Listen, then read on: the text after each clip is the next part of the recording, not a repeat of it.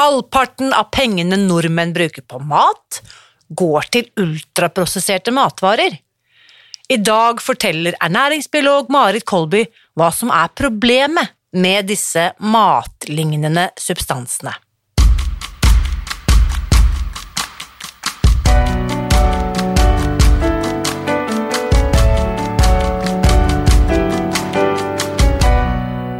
Mitt navn er Irina Lie. Jeg er journalist og forlegger, gründer og sosial entreprenør.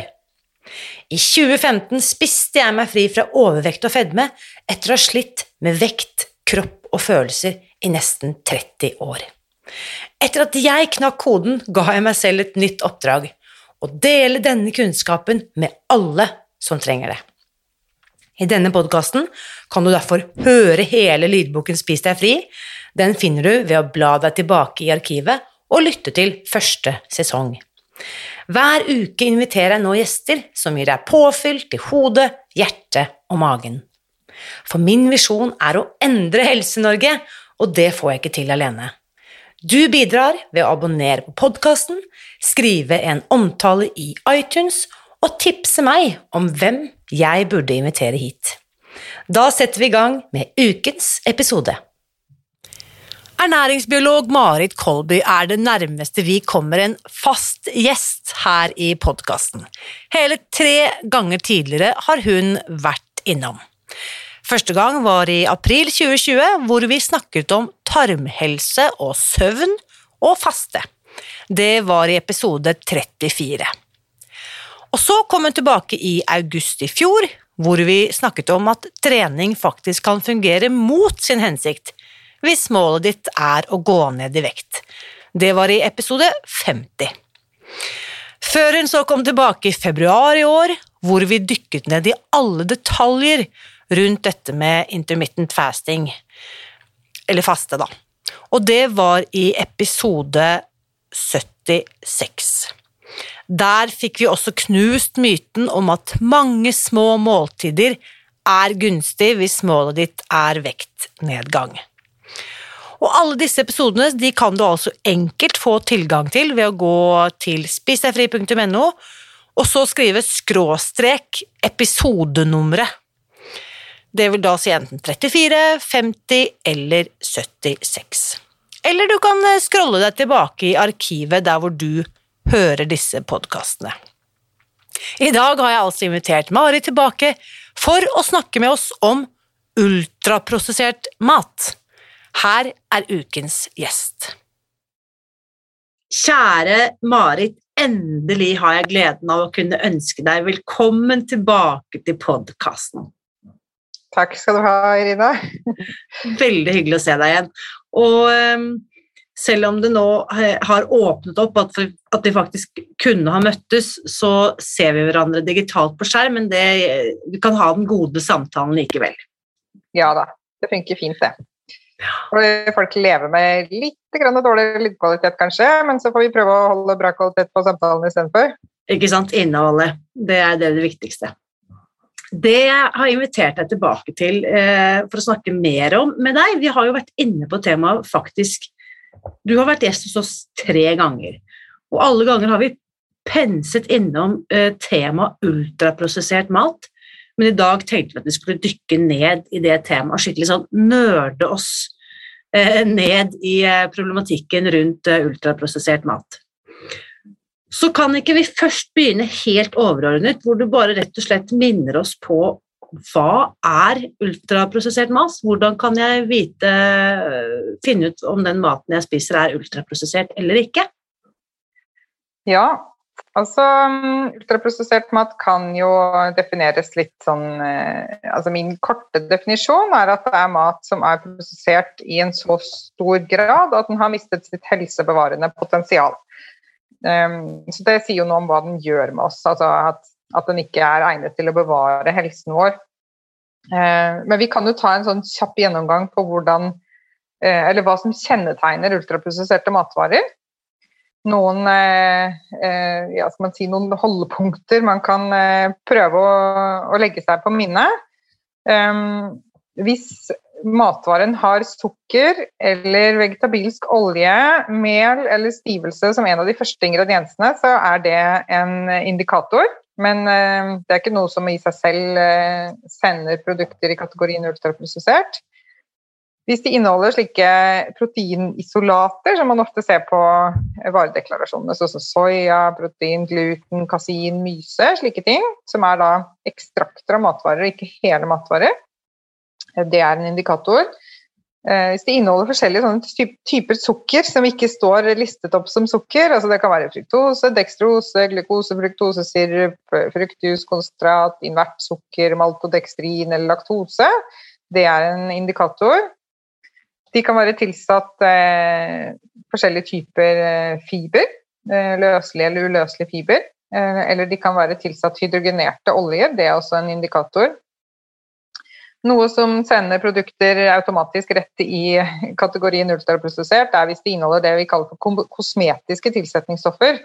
Eh, og det er aroma, smaksforsterkere, fargestoffer, emulgatorer, eller sånne konsistensmidler, og søtstoffer.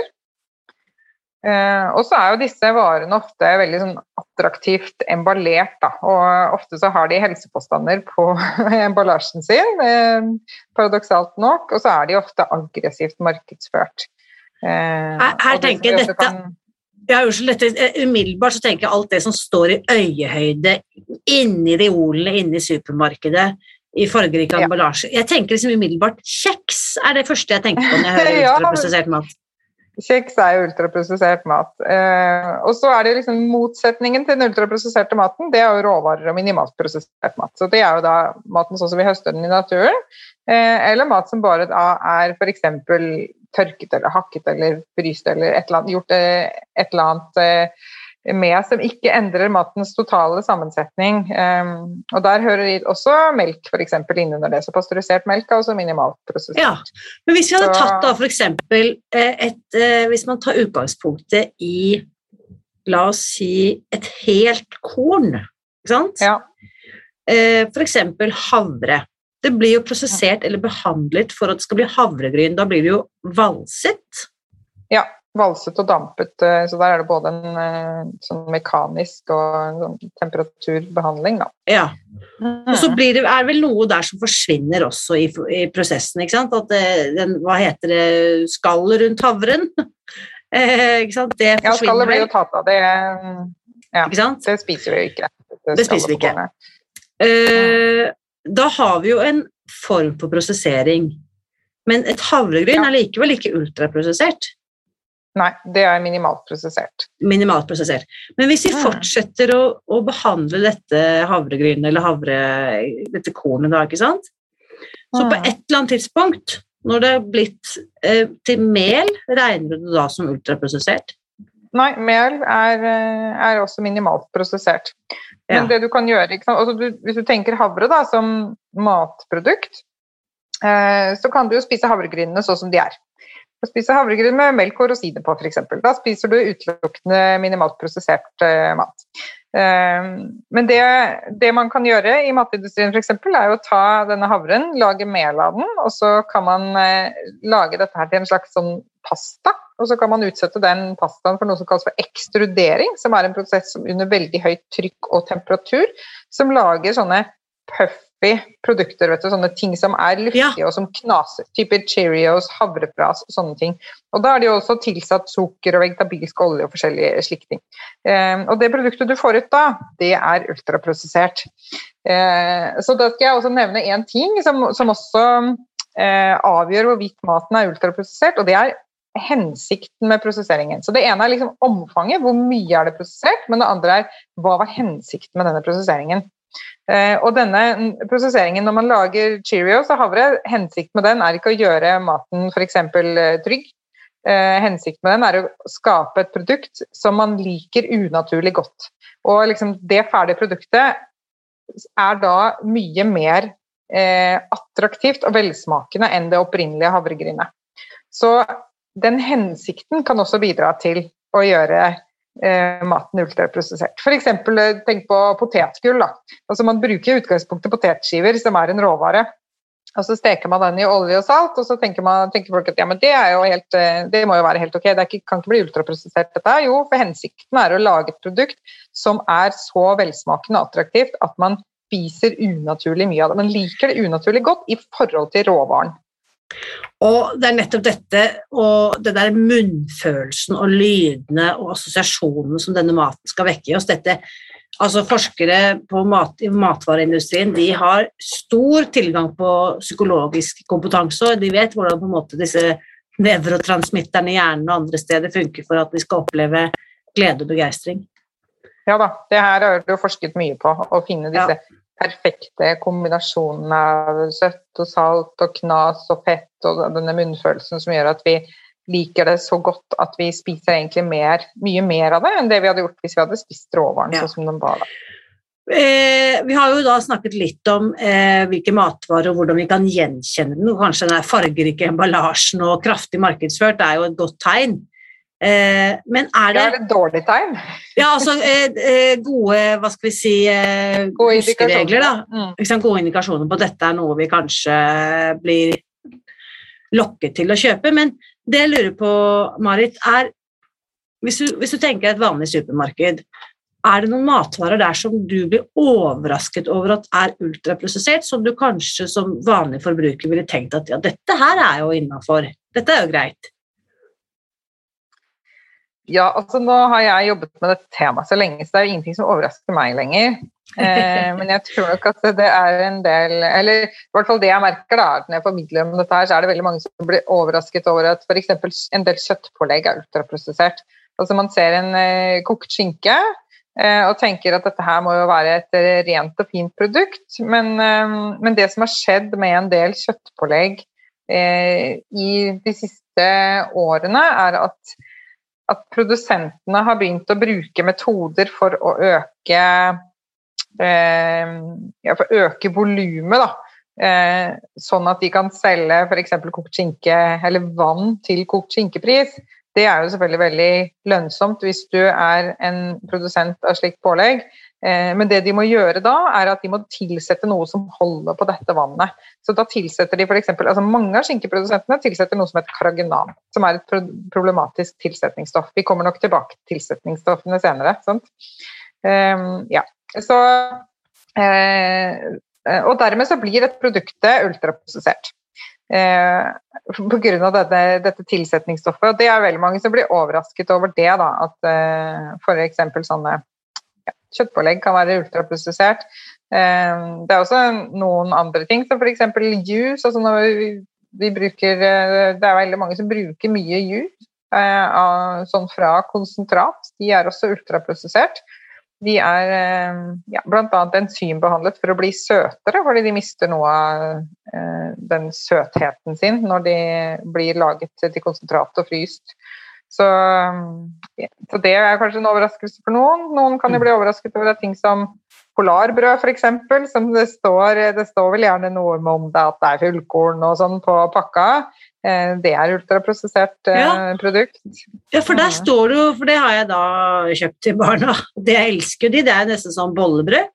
Det er jo også boller omtrent, ja. ja ikke sant? Så da, men da er jo den der sirkelen ikke full, men den er sånn tre kvart full, så man får et inntrykk av at det i hvert fall er noe liksom, uh, greier her. Men jeg vet ikke, den sirkelen er kanskje helt villedende i seg selv? Den er i hvert fall ikke tilstrekkelig tenker jeg da, for å vurdere mm. kvaliteten på det. Um, og en sånn type uh, langtidsholdbart brød med mye tilsetninger er jo vesentlig lavere kvalitet enn hvis man hadde hatt et uh, f.eks. et langtidshevet uh, brød som bare består av mel og gjær og salt og vann. Jeg har jo argumentert tidligere for at vi burde hatt en sånn renhetslov for brød, sånn som vi har for øl. Det skal bare være laget av mer, ja. mel og gjær og salt og vann. Det er liksom det som er basisoppskriften til, eh, til brød. Og så kan man selvfølgelig tilsette gryn og frø og nøtter og slike ting, men, men, at det på en måte er det som skal være i en brødoppskrift, At da er det et bra brød, og så skal det heves lenge. Det har du ikke fått gjennomslag for ennå, Marit. Men Nei, jeg har ikke det. men da kommer vi jo liksom til eh, 10 000-kronerspørsmålet. Nå har vi fått, fått, forklart hvordan vi kan kjenne det igjen, som, hvilke matvarer og noen overraskende matvarer som vi nå skjønner er ultraprosesserte. Men hva er problemet? Hva er som er galt med den ultraprosesserte maten? Dette er jo eh, La meg si at uh, i mitt gamle liv så hadde sikkert veldig mye av kostholdet mitt bestått av disse matvarene her, og som jeg allerede har avslørt, barna mine har fått det servert. og ja, eh, og mine barn får også noe ultraprosessert mat. Det, det, handler om, det, handler om, mengde, da. Det handler om hvor stor del av kostholdet utgjør denne maten som er av vesentlig dårligere kvalitet enn de, den maten den på en måte fortrenger. For hver gang man spiser noe, så spiser man automatisk ikke noe annet. Hvis du, spiser, eh, hvis du velger å spise en is istedenfor et eple, ja, så spiste du den isen, men da spiste du ikke det eplet. Ikke sant? Så det, det, er to ting her. Det er både det du spiser som har dårlig kvalitet, og det er det du ikke spiser som har bra kvalitet. Eh, så det må vi liksom ha, ha i bakhodet. Og så er det selvfølgelig sånn at det er ingen som spiser 100 ultraprosessert mat, eller det er i hvert fall veldig, veldig få, håper jeg. Eh, men så er det også veldig få mennesker som spiser 100% råvarer. Det er også veldig vanskelig å få til. Så spørsmålet er jo eh, Nå sporer jeg litt av, da, men jeg tenker dette er relevant. Altså, eh, hvor går grensen? Hva er det vi tåler av ultraprosessert mat? hvor stor andel av energien på en måte er det som kan være ultraprosessert uten at det går utover helsen vår? Og det vet vi faktisk ikke. Men vi vet at i land hvor Eh, det spises ca. 30% så er det en veldig økende forekomst av overvekt og fedme og de metabolske sykdommene som, som kommer i kjølvannet av det. Eh, vi vet at de landene som er oppe i sånn 50% og over, sånn som f.eks. Storbritannia, eh, Canada og USA, som er verstingen, de er jo oppe i ca. 60 ultraprosessert mat. Vi, vi, ser at det, det går ikke bra ikke sant, på befolkningsnivå, med tanke på Eh, med tanke, særlig med tanke på overvekt, men også, også mye med tanke på diabetes, eh, kreft, eh, disse andre store eh, ja, bidragsyterne til uhelse da, i, i, verden. Og ikke minst nå, etter covid, så har vi jo Heller ikke etter, midt i er vi jo faktisk fortsatt har vi jo fått mm. en Vi burde i hvert fall ha fått en solid vekker på hvor viktig det er å ha en metabolsk god helse, når vi ser hvor viktig dette her er for å tåle en smittsom sykdom. Ikke sant? Så dette er jo første gang vi mm. på en måte ser dette så tydelig at det å ikke være frisk, eh, eller det å ha en ikke-smittsom sykdom, som er det vi kaller disse kroniske sykdommene, det gjør deg mer utsatt for å dø av en smittsom sykdom. Smittsom sykdom, ja. Mm. Ikke sant? Så dermed så ser vi jo nå at, at vi trenger å tenke helt annerledes som forebyggende eh, om folkehelse og om forebygging av sykdom. Da. Det, mm. gjelder ikke bare for, eh, det gjelder ikke bare for disse sykdommene vi har koblet det mot tidligere. Så, ja. så derfor så, så, tenker jeg som så at det er um, det er interessant å vite hvor mye tåler vi av denne maten. Vi tåler i hvert fall ikke så mye som vi, som vi spiser eh, generelt på globalt nivå nå. Mm. Det kan godt hende at det, den cutoffen skal være et eller annet sted Kanskje den skal være på 10 eh, At det gir, på en måte, det gir rom for litt lørdagsgodt, det gir rom for eh, en brus en sjelden gang iblant, eh, litt potetgull eh, her og der. Altså litt, litt grann sånne ting. Altså kanskje en kake et eller annet sted, tre kjeks på tur, liksom. Kanskje det er liksom i den i det området vi skal lande da, for å kunne bevare helsen vår. Kanskje vi tåler så mye som 20, vi veit ikke helt. Men vi veit mm. at vi spiser altfor mye ultraprosessert mat nå, og at det går ikke bra. Vet vi tallet for Norge? Altså, du nevnte Storbritannia der med nærmere 60% Det er jo helt vilt, men eh, det er ikke rart å tenke på den maten de spiser. Men eh, ja, vet vi... ligger på 50-55 svinner, nå husker jeg ikke akkurat, jeg tror de ligger, de ligger i hvert fall over 50. Men eh, nei, vi veit ikke tallet for Norge. Vi har ikke noen undersøkelser som har kunnet Eller vi har ingen som har undersøkt dette i Norge. Hvor mye spiser vi faktisk i Norge? Så men vi vet at veldig mye av det antallet matvarer vi kjøper i butikken, er ultraprosessert. Vi kjøper mye mer ultraprosessert mat i butikken enn vi kjøper eh, råvarer og minimalt prosessert mat. Hvis man ser på faktiske antallet matvarer som går forbi en skanner i en butikk. Um, så det har vi tall på. Så vet vi at vi bruker ca. halvparten av pengene våre på ultraprosessert mat. Um, og så vet vi at vi ligger veldig høyt med tanke på forbruk, altså hvor mye penger bruker vi, og da justert for inntektsnivå. Da, Så, uh, så vi er et av de landene som bruker mye da, av inntekten vår på ultraprosessert mat, eller som bruker mye per år per, per innbygger. Men når du så sier vi bruker ca. halvparten av pengene på ultraprosessert mat, så da, da tenker vi på de pengene som går til innkjøp av mat? Ja. Ja. Mm. Ikke, ikke, halvparten av pengene våre totalt, nei, men av det vi kjøper, av den maten vi kjøper, så bruker vi 50 mm. Eh, på å kjøpe ultraprosessert mat. Så vi har jo åpenbart ikke et veldig stort fokus på å kjøpe råvarer og minimalt produsert mat. Mm. Så, men vi, vi, mangler noen, vi, mangler undersøkelser som viser hvor mye det utgjør av energien. Det, ja. det har vi ikke. Så det håper jeg vil komme i årene som, som kommer. Ja, ikke sant.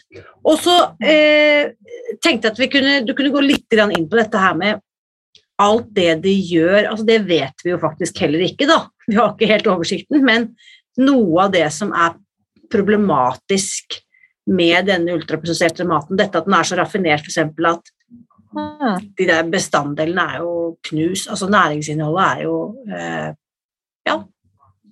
ja det, det, er flere forskjellige faktorer vi kan se på der. Altså, hva er det som er galt med den ultraprosesserte maten, og hva er det som er forskjellen mellom den og råvarene, da, minimalt prosesserte maten. Um, og Noe av det som vi har blitt veldig klar over gjennom forskning de siste årene, er at matens struktur er viktig for hvordan, mm. um, ja, for hvordan den påvirker oss, rett og slett. Og med matens struktur så tenker jeg egentlig på uh, selve oppbyggingen av maten, som består av celler. Og det tenker vi kanskje ikke så mye på når vi spiser mat, men når vi spiser mat, spiser vi faktisk celler. Vi spiser planteceller, og vi spiser dyreceller. Eh, og når vi tygger, så knuser vi disse cellene med tennene våre, men vi knuser bare veldig veldig av dem. bare noen veldig få. Man tenker kanskje at man tygger, selv om man tygger godt, liksom, så, eh, så tenker man at alt er bare pulverisert, men det er ikke det. Hvis du hvis du tygger og svelger en potet, så kan du svelge partikler som inneholder mange titusen hele celler. Så det eh, og, og, denne tyggeprosessen er viktig fordi at når man tygger maten, og det krever litt når man spiser, uh, spiser mat som er lite prosessert, krever det at man tygger det en del. Det er viktig for, uh, det er viktig bl.a. for metthet, å sende signaler om metthet til hjernen.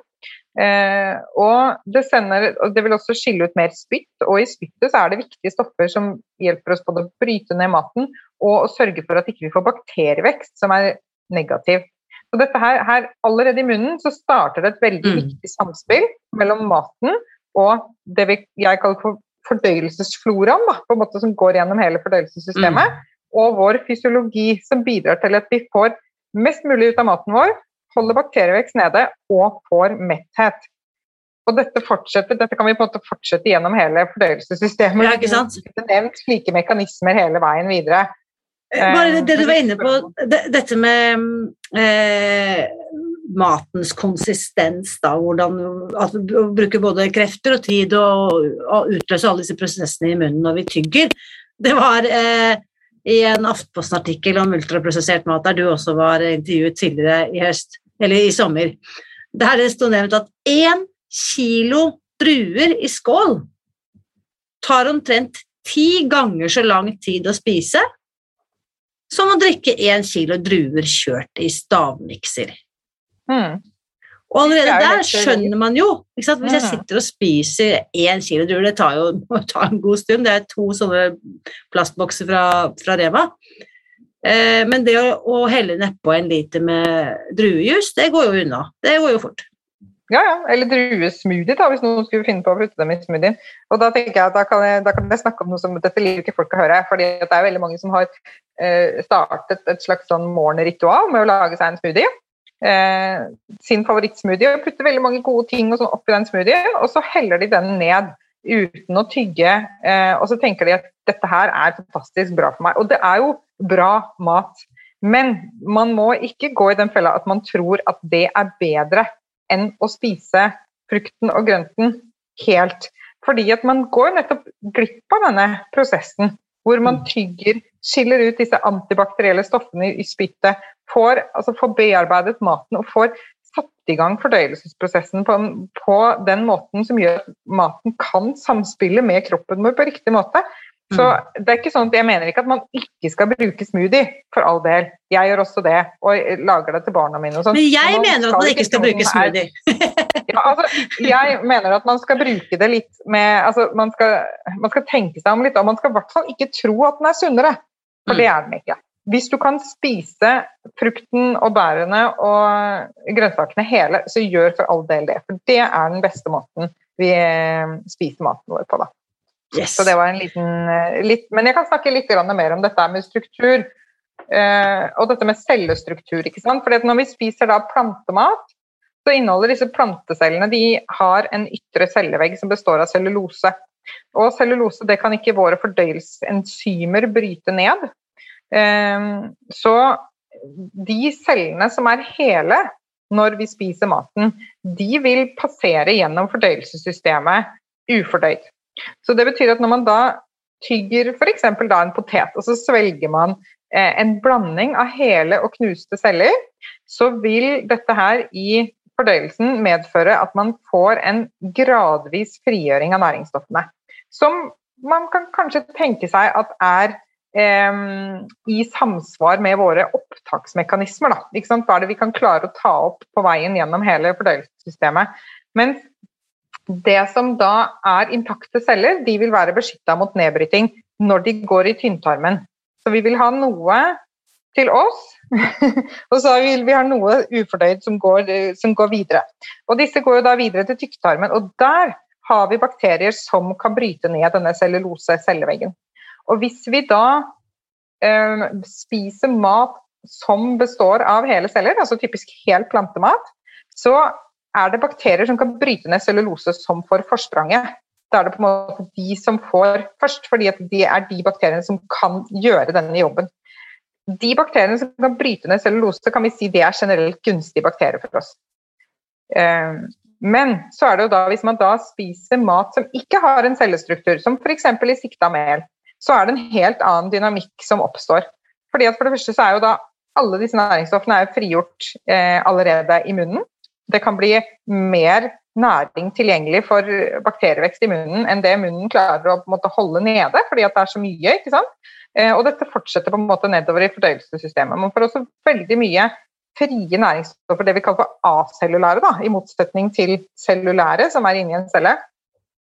Eh, man får veldig mye av dette høyt oppe i fordøyelsessystemet. og Selv om fordøyelsen da prøver å holde bakterieveksten nede, så gir man veldig mye rask mat til bakterier. Eh, og de bakteriene som kan nyttiggjøre seg slike frie næringsstoffer, det er bakterier som kan være ugunstige for oss. Hvordan plager kan det skape hvis eh, bakterieveksten starter liksom langt opp i fordøyelsessystemet? Ja, steder den ikke skal være? En, hvis man får en ugunstig bakterievekst og mye bakterievekst i fordøyelsessystemet, så vil det kunne skape det vi kaller for inflammasjon. Som er jo da en slags betennelsestilstand. Og er, det er ikke det samme som en akutt betennelse hvis man får eh, et sår som blir betent eller noe sånt. Dette er, dette er snakk om en sånn lavgradig betennelse. Eh, hvor, hvor man har en slags immunreaksjon på bakterier som er til stede i et større antall enn det kroppen egentlig kan håndtere det, eller kroppen merker at her er det bakterier til stede som, eh, som er skadelige for meg. Eh, og da vil man gå med en slags sånn lavgradig immunreaksjon. Eh, og det er skadelig fordi at den forstyrrer normal metabolisme. Den forstyrrer normal eh, glukoseomsetning, forstyrrer normal fettomsetning, det forstyrrer normal eh, immunsignalisering. Eh, mm. så, så, det er veldig mange prosesser som kan forstyrres av en sånn lavgradig inflammasjon. Og det er grunnen til at, eh, at det ikke er gunstig. Så hvis man da spiser mye mat som ikke har en bevart struktur, så tilrettelegger man for økt bakterievekst i deler av fordøyelsen som ikke skal ha det. F.eks. Mm. munn og tynntarm. Veldig mange av de som kutter ut ikke sant? mange av disse, Ved å kutte ut sukker og mel, så har du egentlig tatt hele mye av bøtteballetten der. Um, altså det er ikke mulig å spise denne typen ultraprosessert mat når du følger Spis deg fri, og det veldig mange forteller om, det er at etter at de legger om, så blir de for det første kvitt eh, mye magesmerte, altså mye sånn diffuse mageplager. Eh, mange forteller at de ikke lenger, er, føler, seg, ikke lenger føler seg oppblåst i, i, magen. Og veldig mange også snakker om eh, sure oppstøt som forsvinner. Og dette kan jo ja. være forklaring på akkurat disse tingene du snakker om her. Det kan ha noe med det å gjøre, men det, jo også, det er jo også annet, en annen del av deres opplegg at man ikke skal spise så ofte. Eh, og det er også en viktig faktor her, sånn, fordi at mellom måltidene så skjer det viktige prosesser i fordøyelsessystemet. Så har vi, har vi snakka om børstebilen før, Irina? Ja, den tar vi gjerne igjen, for den, er, ja. den må vi høre om. Jeg tror vi må snakke litt om børstebilen igjen.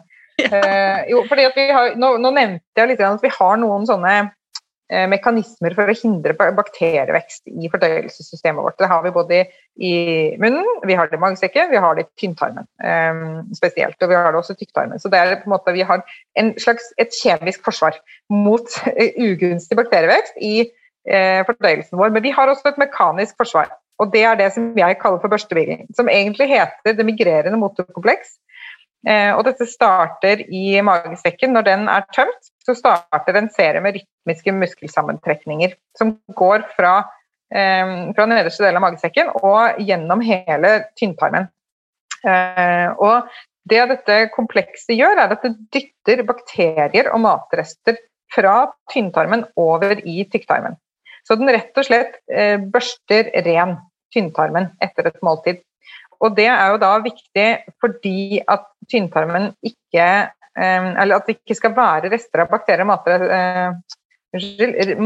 eh, og bakterier der som kan eh, føre til en ugunstig bakterievekst, som igjen vil føre til inflammasjon. Så dette her er jo da naturens forsvar mot akkurat det.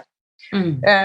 Men det, dette her komplekset, eller denne børstebilen, den avbrytes jo av mat. Så det betyr at hvis man går og småspiser, så vil man avbryte denne viktige prosessen mellom måltider. Og Det er derfor det er så viktig å holde seg til noen få måltider om dagen, og også ha en god, lang nattfaste, som vi også har snakket, mm. det har vi jo snakket en del om før. For da skjer også, mye, da skjer også denne prosessen, og, eh, og, særlig på natten, når tarmen er børstet ren, så blir den også reparert og vedlikeholdt. Og det skjer heller ikke når man, når man spiser, da. Dette har vi snakket om i forhold til autofagi, som vi lagde egentlig en hel episode om.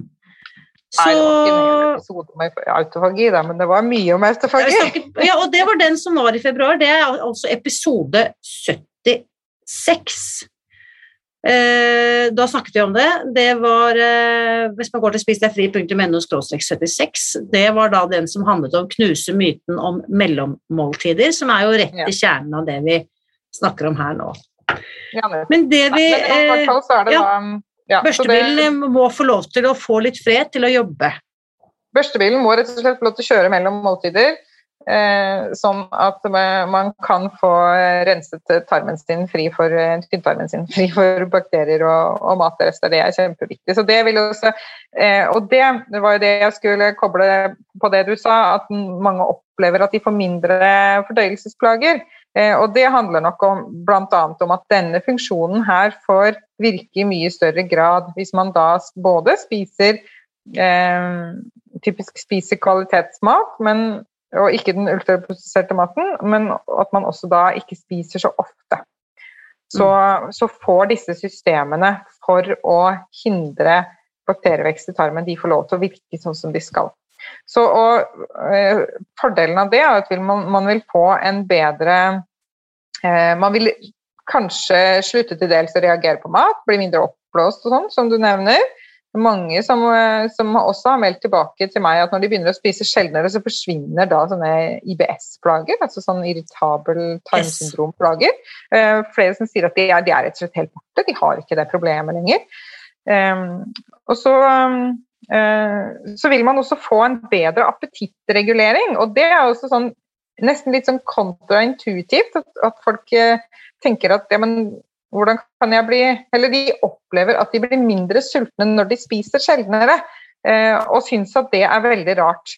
Men det handler jo da om at man rett og slett gjenoppretter de biologiske systemene for å holde tarmen frisk, og dermed også så vil man få en bedre, eh, bedre på en måte respons på de måltidene man spiser. Da, at appetittreguleringen fungerer sånn som den skal. Og en siste bonus er at en frisk tynntarm gjør jo at man får et bedre næringsopptak. Altså, det er vinn-vinn-vinn. Det er skikkelig kinderegg, det. altså. Å spise, spise, råvarer, og ikke spise dem for ofte. Det er liksom ikke er så enkelt og så vanskelig det, liksom. eh, jeg, eh, før vi eh, Jeg må bare skyte inn en ting her. Jeg leste en artikkel i morges eh, om noe kosttilskudd. Og det kan ja. du helt sikkert lage en egen episode på, Marit.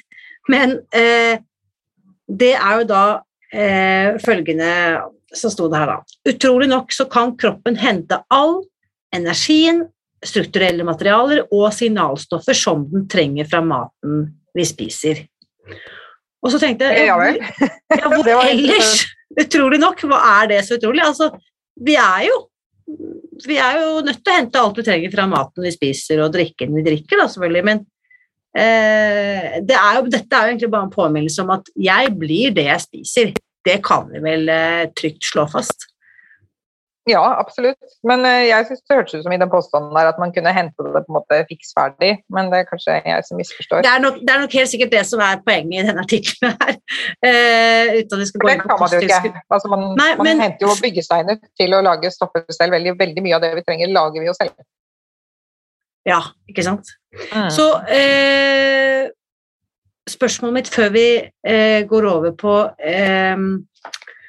før vi skal gå inn for landing. Vi må snakke litt om tilsetningsstoffer. Eh, hva ja. er problemet her? Ja, dette er jo en annen viktig faktor når man snakker om hva det som er gærent med den ultraprosesserte maten.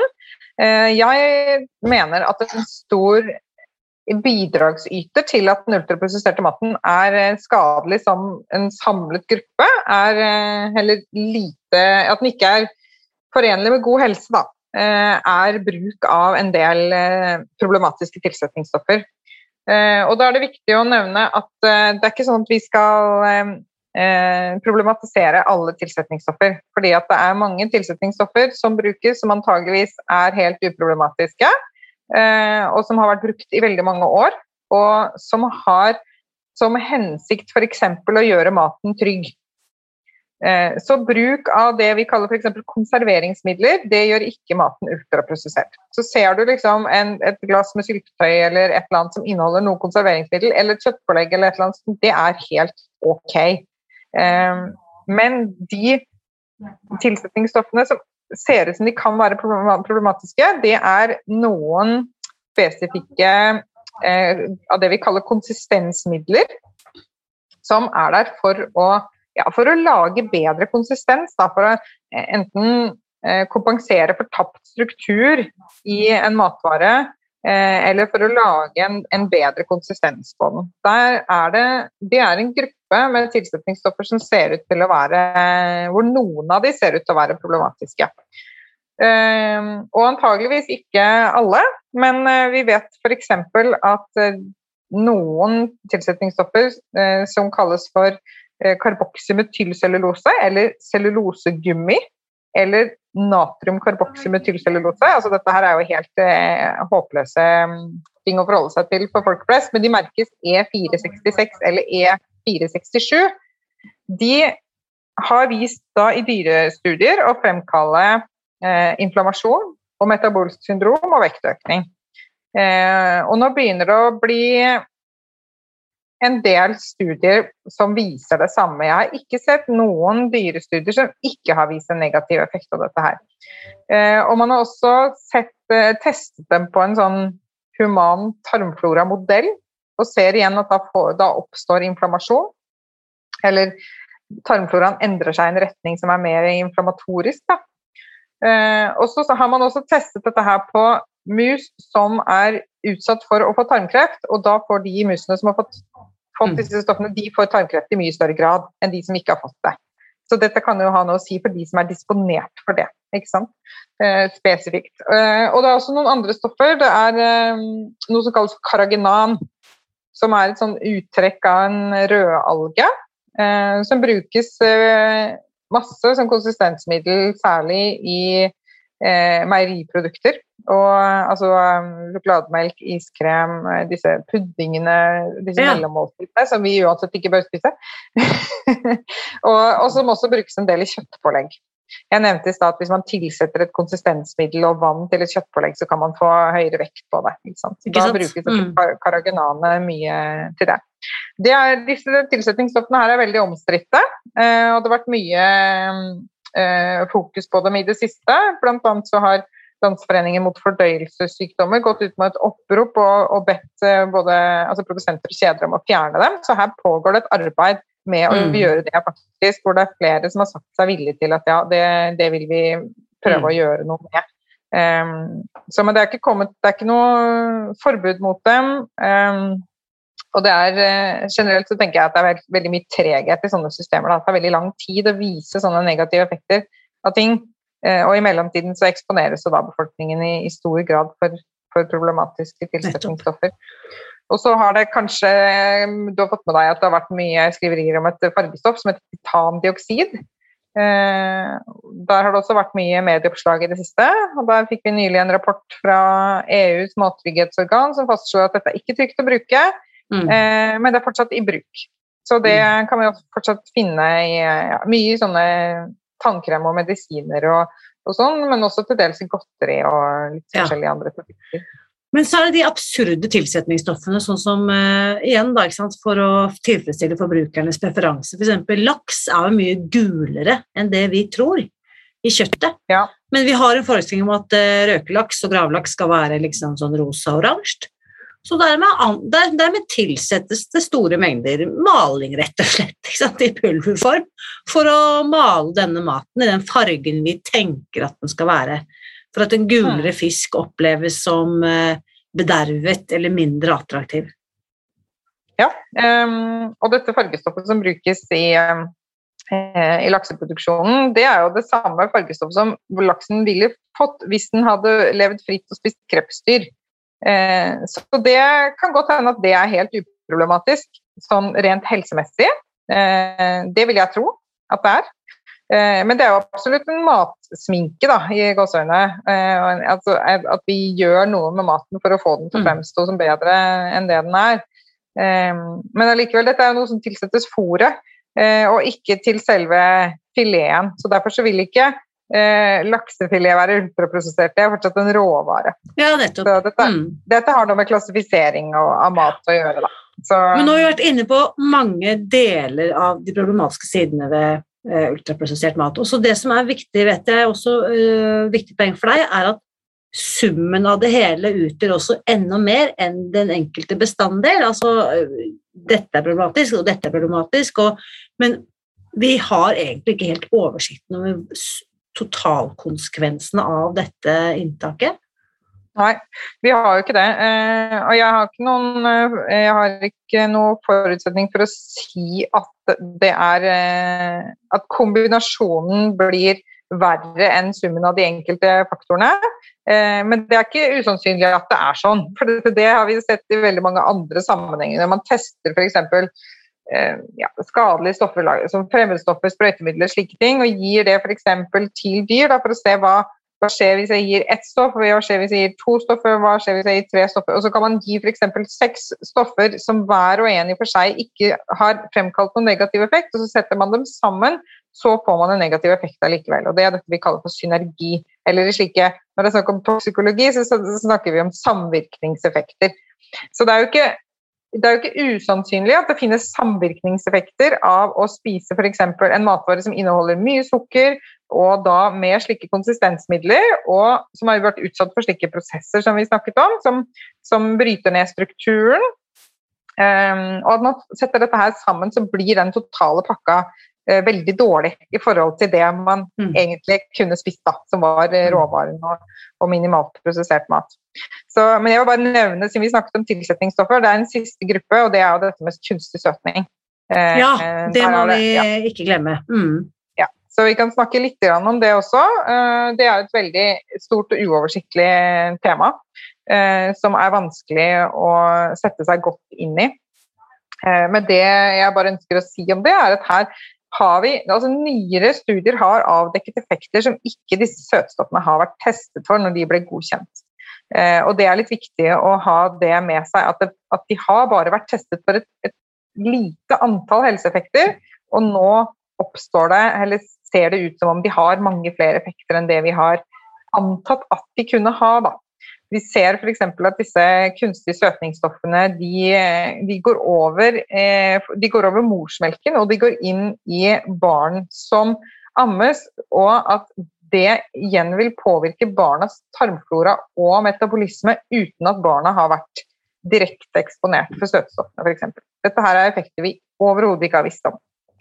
Um, så, så, det syns jeg er litt uh, skummelt. Det ser ut som at uh, noen av dem endrer, kan endre tarmfloraen. her er det altfor lite forskning og altfor lite gode studier. og De studiene som har vært gjort på mennesker, har vært veldig kortvarige. Eh, mens de studiene som har vært gjort på dyr, ser det ut som at de har en negativ effekt. Så her er det her er det mange ting vi ikke har helt oversikt over, rett og slett. Vi har rett og slett undersøkt det godt nok. Eh, og da mm, tenker jeg som så at det er eh, Ja. Det er greit å ha med seg at vi ikke kjenner alle disse effektene av kunstig søtning ennå. Mm. Og at vi ja, kanskje ikke bør frikjenne denne lettbrusen, f.eks. I, I så stor grad som har vært gjort. Jeg er så enig, og når jeg ser og øh, hvor hekta enkelte blir, og ikke enkelte, det er mange, mange, mange der ute. Eh, jeg var selv en av dem en gang tilbake i tiden. Cola Light var liksom min greie. Men jeg ser også hvor hardt den på en måte Kall det avhengigheten sitter, da, så tenker jeg at det beste er Jeg sier til barna mine Dere kan godt få brus, men da skal dere ha tung brus med ekte sukker. Ja. Og det skal helst ikke være sort farge på den brusen. Men det, Altså, ikke vet jeg, jeg vet ikke om Fanta nødvendigvis er noe bedre enn Cola, men i hvert fall det Pepsi Max-greiene og sånn. Virker så ja, Folk blir så hekta. Ja, altså, noen gjør det. Um, og, og det er ikke, ser ikke ut som alle gjør det. Og noen blir hekta på sukkerbrus også, men alle gjør ikke det heller. Ikke men det er jo mm. typisk for, for sånne um, ja, sånne avhengighetsmekanismer. Da, de, de, treffer jo ikke alle. Det er jo ikke alle som blir avhengig av alkohol og røyk og eh, dop heller. Så, men problemet er at er du en av de som er sårbar, så er du veldig utsatt for å bli avhengig av slike mm. produkter. Og de er jo satt sammen for at du skal like dem så godt at du skal drikke så mye som mulig av dem. Og det, det, er jo et uttalt mål fra Det har de jo sagt i markedsavdelingen til Coca-Cola. Det har vi på en måte fra sikre kilder. at de deres mål er å skape så mange storforbrukere som mulig, fordi det er de som er lønnsomme. Og, der, og, de bruker strategiske metoder for å få til det. Mm. Og da kan man jo også tenke litt på, da, hvis man er en sånn eh, som, som, er avhengig av lettbuss, altså vil jeg egentlig være en som danser etter dette selskapets pipe og gjør akkurat sånn som de ja. prøver å få meg til å gjøre? Er det, er det greit? Liksom? Mm. Så, men eh, ja, og så er det jo da kommet en del studier også i det siste som viser at det ser jo ikke ut som at disse lettbrusene er noe bedre enn sukkerbrusen. Altså Verken for ting som har med diabetes type 2 å gjøre, f.eks., eller for eh, hjerte- og karsykdom f.eks. Det ser ut som at både sukkerbrus og lettbrus er skadelige. Mm. Eh, så da er spørsmålet skal vi velge mellom pest eller cola. Altså Vi må velge brusen bort til hverdags, tenker jeg da. Og at vi må gjeninnføre vann som tørstedrikk. Og yes jeg tror at hvis man drikker en halvliter brus på lørdag, så er det ikke så himla farlig om den har sukker eller om den har mm. kunstig støtning. Poenget men, er å få ned mengden og frekvensen. Men det var som en sa, kommer, eh, kommer, du inn fra løpetur med bikkja, og den er tørst Du ville aldri ha funnet på å liksom helle Pepsi Max i vannskålen, ikke sant? Eller kommer du hjem fra ferie eh, og du ser at plantene henger litt med hodet. Du ville aldri tenkt på å fylle på de der potteplantene med Pepsi Max, for nå skal den få liksom eh, fuktighet og næring og væske tilført. Så det at vi putter det inn Altså eh, Nei, altså vi skal ikke gå av gårde på eh, lettbrusen, men dette her var supernyttig, og dette med at det nå foreligger forskning som begynner å se på effekten på diabetes og sånn, hvor de sidestiller lett og tung brus, det syns jeg er kjempespennende. Um, I mine øyne så har den lettbrusen fått altfor positiv omtale i altfor lang tid. Men Ja, uansett. det. Mm. Det jeg tenkte vi kunne runde av med, Marit, er jo litt sånn Men hva skal jeg gjøre da? Og så eh, For å gjøre de kloke valgene når jeg er i butikken. Jeg kan jo bare da minne om? I Spis deg fri så sier vi ta en titt på ingredienslisten. Og da er det ikke der hvor det er brutt ned i sånn kilokalorier og at det er så og så mange gram protein og så og så mange gram karbohydrater og sånn, og ikke sukkerart og sånn, det trenger du ikke se på, men ingredienslisten der det står hva produktet inneholder. Hvis det ikke står sukker, mel eller stivelse blant de tre første ingrediensene, så er du safe. Eller hvis det er et produkt som overhodet ikke har emballasje. Eksempel en reddik. Ja, ikke sant? Det beste er jo å gå for råvarene. Eh, men jeg, som vi snakket om med disse tilsetningsstoffene, da, jeg syns jo at, eh, eh, at vi skal ha, ha et litt ekstra blikk på det også. Så, så selv om du da ikke har, har sukker eller mel i seg, eller stivelse eller noe sånt, så kan du jo ha det f.eks. disse kjøttproduktene.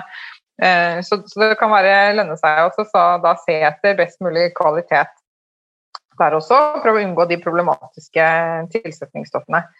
Um, så ja, så man gjør jo noe av jobben i butikken, ikke sant, og må uh, gå, for, altså, gå for rett og slett råvarer og kombinere sammen måltider fra råvarer. At det er det som på en måte får utgjøre hoveddelen av, uh, av kostholdet. Og da må man jo uh, planlegge litt for å få til det. Så, for det nytter ikke å liksom stå i butikken hver eneste dag ti på fem og så tenke hva i all verden skal jeg lage av råvarer i dag. Du blir nødt til å gjøre litt planleggingsjobb på, på forhånd, og kanskje til og med ja, så handle litt stort og tenke hva skal jeg spise i dag, hva skal jeg spise i morgen, og, jeg, og, og se på hvordan man kan eh, kanskje forberede noe den ene dagen sånn at det blir veldig lett å det, spise det dagen etterpå. Man kan lage doble porsjoner med ting og gjøre, altså jobbe litt smart da, for å unngå Mm. eh, at man blir stående på kjøkkenet absolutt hele tiden. Eh, men så må vi også utfordre litt den eh, myten på en måte at vi ikke skal bruke tid på kjøkkenet. For selvfølgelig så skal vi det. Jeg tenker at det er like selvsagt å bruke tid på å lage mat som å gjøre andre ting vi gjør for å bevare helsen vår, f.eks. Mm. som å trene. Ikke sant? Det er ingen som sier at eh, nei, du må ikke finne på å bruke tid på å trene. Men så er det noe, mange som kan være tilbøyelige til å si at nei, men du må ikke bruke så mye tid på å lage mat. Det, Mm. det, det, Mm. det er ikke vel anvendt tid, liksom. Eh, Men de fleste av oss vi bruker vel tre timer gjennomsnittlig i døgnet på å se på TV eh, som befolkning. Eh, tenker, altså, da kan man ikke komme og si at man ikke har tid til å lage mat. Altså, da kan man heller stå en time på kjøkkenet på kvelden, f.eks. Man kan ha, høre på podkast eller radio eller et eller annet Mm. sånt, og så kan man forberede mat. Man kan lage ferdig en gryterett som man kan spise til middag dagen etterpå. Man Mm. kan forberede lunsjbokser med salat f.eks. Det er egentlig ikke så vanskelig, man må bare eh, endre litt eh, tankegangen og prioriteringene. Og mitt favorittmotto av alle gjennom alle tider er gjør det enkelt. Ja. Gjør du det enkelt, så kan du fint lage fast food, selv om du velger vekk den ultraprosesserte maten. Ja, absolutt. Og noe av den sunneste, beste maten vi kan spise, er, eh, er så rask. Altså, det er kjemperaskt å lage en omelett eller eggerøre med noen grønnsaker til. Det er superraskt å lage rotgrønnsaker og eh, fiskefilet i ovnen. Krever nesten ikke noe jobb i det hele tatt. Eller enda raskere, spise maten i sin hele naturlige form. Rett fra kilden, holdt jeg på å si. Mm. Det kan man også Nei, men eh, Marit, dette her, samtalen fortsetter. Eh, jeg er utrolig takknemlig for at eh, vi har muligheten til å spørre eksperten, sånn som vi har med deg. Og så tusen takk for at du kunne være med igjen i dag. Bare hyggelig, Rina. Så jeg kommer, jeg, så lenge folk ikke er lei meg. Så Så vi snakkes det kan snart igjen. hende at vi snakkes snart igjen, ja. Mm. Nå lurer jeg på, hva tenker du etter å ha hørt min eh, samtale med Marit i dag? Samtalen etter ukens episode fortsetter som vanlig i vår Facebook-gruppe Spis deg fri, så bli med inn der og del dine synspunkter. Og selv om du nå har fått en solid dose kunnskap om hva denne ultraprosesserte maten gjør med deg, så vet jeg at det ikke er nok hvis du ønsker å endre kosthold. For det å gjøre en livsstilsendring krever at du endrer vaner, og det er nettopp det Spis deg fri handler om. I kursgruppen eh, Fristed så hjelper jeg deg med å gjøre små endringer hver dag, én dag om gangen, som over tid vil gi deg store helsegevinster. Du kan gå til nettsiden spisdegfri.no fristed for å lese mer og for å møte noen av dem som har deltatt på kurs allerede.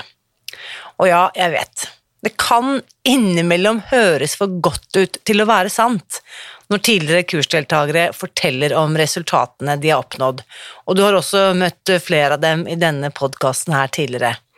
Og tro meg, når det er mulig for dem, og når det har vært mulig for meg, så er det mulig for deg også. Så hvis du er klar for å spise deg fri, og innser at du muligens kunne trenge litt hjelp for å takke nei til all denne ultraprosesserte maten, så bli med inn i kursgruppen Fristed. Du kan lese mer og melde deg på ved å gå til spisdegfri.no fristed.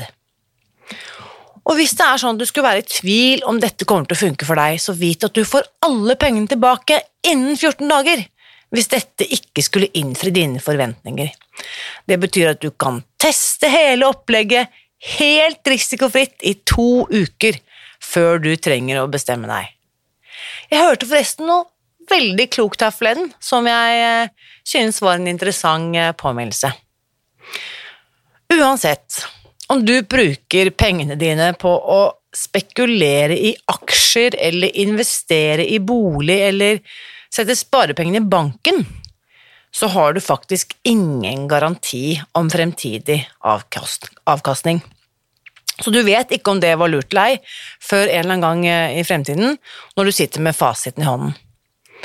Og den eneste sikre investeringen du faktisk kan gjøre, det er å investere i din egen helse. Det gir deg garantert avkastning og gevinst som ikke bare du, men også kommende generasjoner får glede av.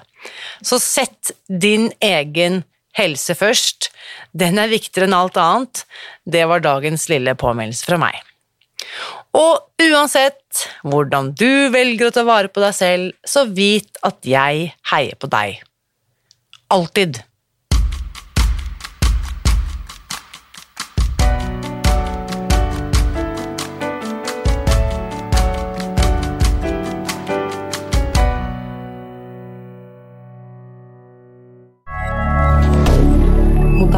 Twitter.